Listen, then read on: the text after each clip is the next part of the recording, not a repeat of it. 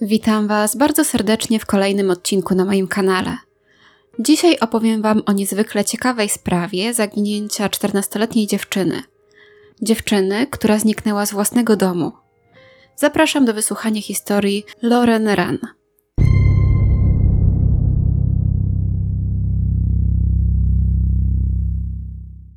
Lauren urodziła się 3 kwietnia 1966 roku. Jej rodzice rozwiedli się, gdy była jeszcze niemowlęciem i wychowywana była głównie przez swoją matkę Judith. To właśnie z matką mieszkała w Manchesterze, w stanie New Hampshire. Jednak gdy Lauren miała zaledwie 4 latka, przeprowadziły się do Miami. Sześć lat później wróciły jednak do Manchesteru, gdzie zamieszkały w mieszkaniu na drugim piętrze. Drugie piętro było ostatnim piętrem w ich budynku, co akurat ma znaczenie dla tej sprawy. W chwili, gdy wydarzyła się historia, o której Wam dzisiaj opowiem, Loren miała 14 lat. Opisywana była jako szczęśliwa i towarzyska dziewczyna, która w dodatku świetnie się uczyła.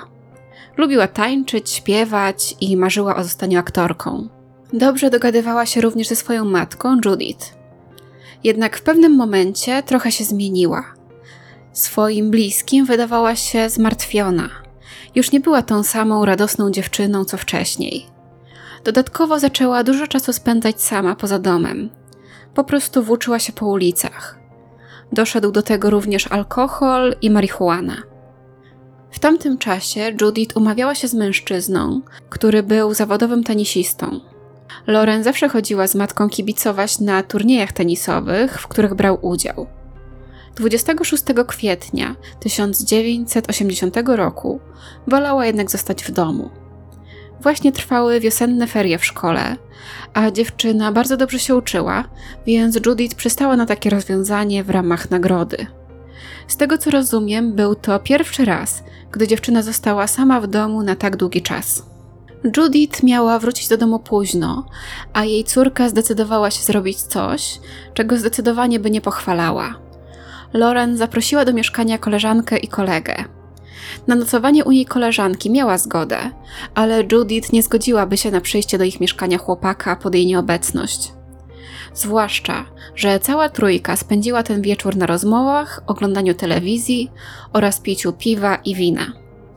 Wcześniej tego dnia Lauren była widziana w sklepie spożywczym, gdzie pomagała rozkładać towar na półkach. Prawdopodobnie zrobiła to w zamian za alkohol. W pewnym momencie, około 30 minut po północy, Kolega Loren usłyszał jakieś głosy na klatce schodowej. Pomyślał, że to Judith, która oczywiście nie byłaby zachwycona jego obecnością w mieszkaniu, więc szybko wyszedł tylnymi drzwiami na schody przeciwpożarowe.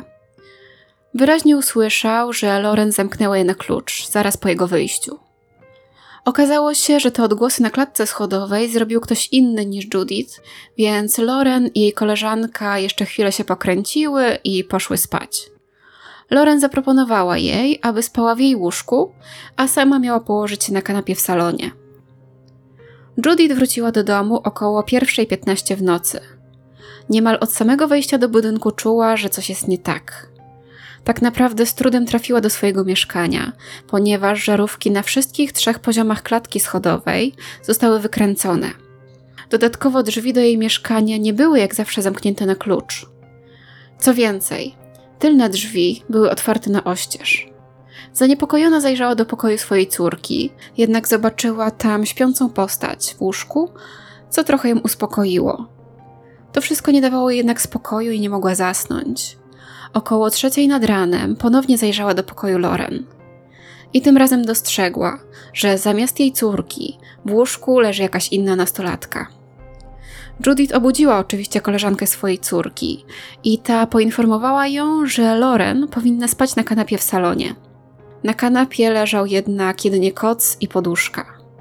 Kobieta zaczęła gorączkowo dzwonić do członków swojej rodziny, aby dowiedzieć się, czy ktoś czasem nie wie, gdzie jest jej córka. Nie otrzymała jednak od nikogo żadnej odpowiedzi. Wyszła więc na ulicę i zaczęła szukać Loren. O 3.45 zatrzymała przejeżdżający radiowóz i zgłosiła zaginięcie swojej 14-letniej córki.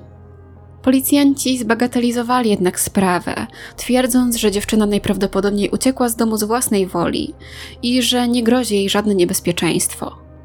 Uznali, że niedługo sama wróci do domu. Zmienili zdanie dopiero, gdy przez trzy tygodnie Loren nie dała żadnego znaku życia. Wtedy według nich Loren musiała sama wyjść z domu i zamierzała do niego wrócić, ale po drodze musiało stać się jej coś złego. Niestety było już za późno. Wszelkie potencjalne ślady zostały zadeptane. Udało się dotrzeć jedynie do pracownika firmy autobusowej, który tamtej nocy sprzedał bilet dziewczynie pasującej do rysopisu Loren. Kierowca autobusu twierdził z kolei, że wysadził ją na przystanku w Bostonie. Do takiego wniosku doszedł jednak po tym, gdy pokazano mu starą fotografię dziewczyny. Gdy przedstawiono mu aktualne zdjęcie, nie był już tego taki pewien. Pół roku później Judith otrzymała wyciąg ze swojej karty kredytowej.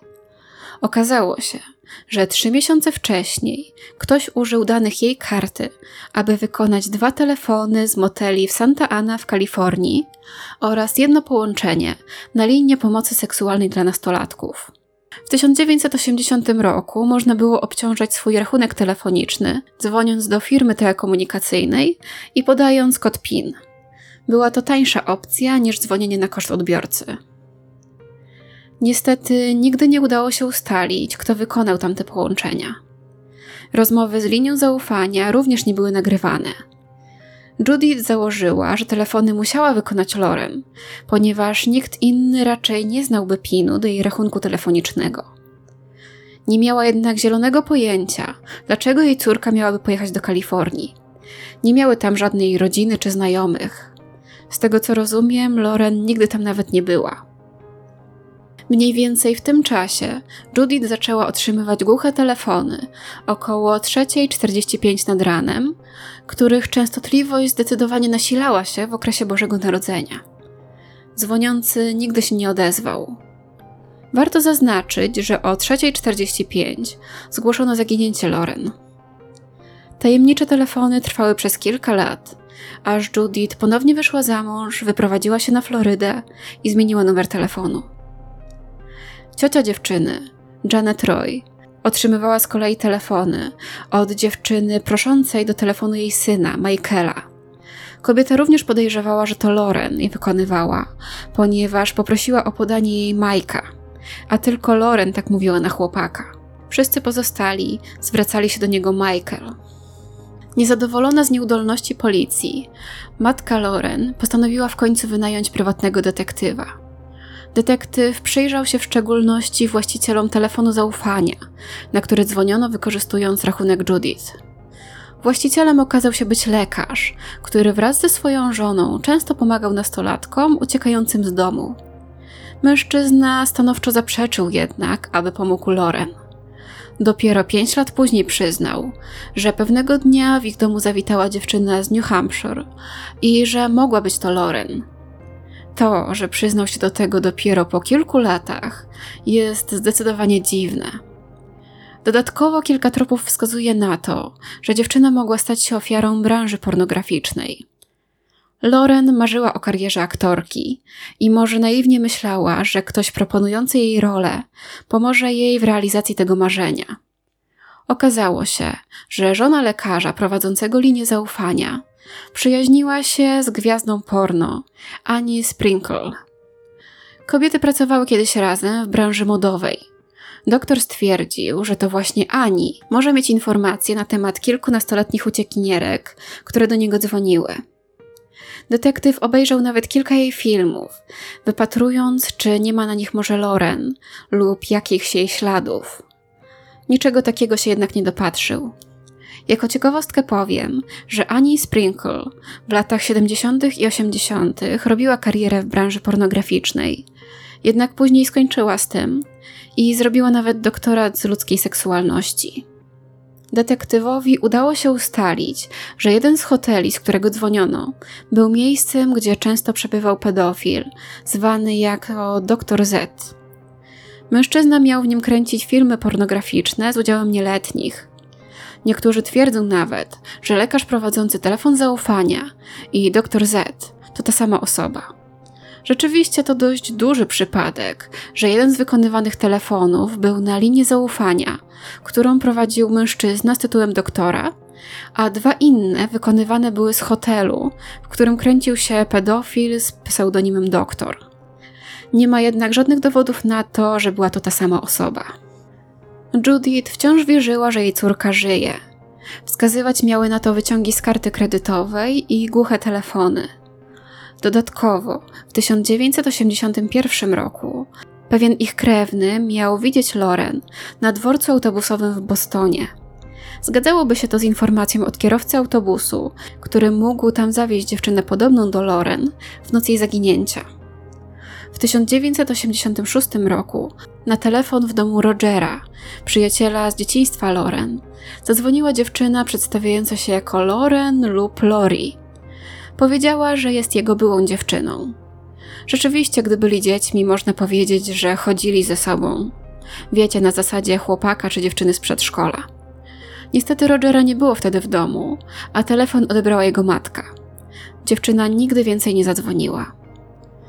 W 1988 roku w Anchorage na Alasce ktoś widział prostytutkę uderzająco podobną do Loren. Niestety w tym przypadku również nie udało się potwierdzić, czy faktycznie była to ona. Co ciekawe, trzy tygodnie przed zaginięciem Loren z pobliskiego baru zniknęła kobieta, która mieszkała zaledwie kilometr od niej, a sześć tygodni po zaginięciu nastolatki zniknęła kolejna osoba. Bardzo podobna fizycznie do Loren, 25-latka, która mieszkała dwie przecznice dalej. Kobieta nigdy nie została odnaleziona. W tym czasie w okolicy mieszkał Terry Peder Rasmussen, który był podejrzany o kilka morderstw. Mężczyzna w 2003 roku przyznał się do zamordowania swojej żony i mógł być zamieszany w sześć innych morderstw czy zaginięć. Podejrzewany jest m.in. o zamordowanie 25-latki, która zaginęła kilka tygodni po zniknięciu Loren, oraz innych kobiet, których szczątki znaleziono w Bearbrook State Park w latach 1985-2000. Jedną z ofiar była córka Rasmusena. Mężczyzna zmarł w 2010 roku i niestety nigdy nie udało się powiązać zaginięcia Loren z morderstwami, których dokonał. Trzeba też pamiętać, że ciała znajdowano od 1985 roku, a nastolatka zaginęła w 1980. Czy była jego pierwszą ofiarą? Ciężko powiedzieć. Istnieją dwie wiodące teorie na temat tego, co stało się z Loren w nocy jej zaginięcia. Albo została porwana, albo uciekła z domu.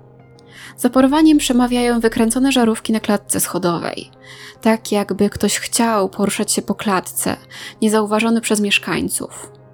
A także otwarte na oścież drzwi, jakby ktoś bardzo się spieszył.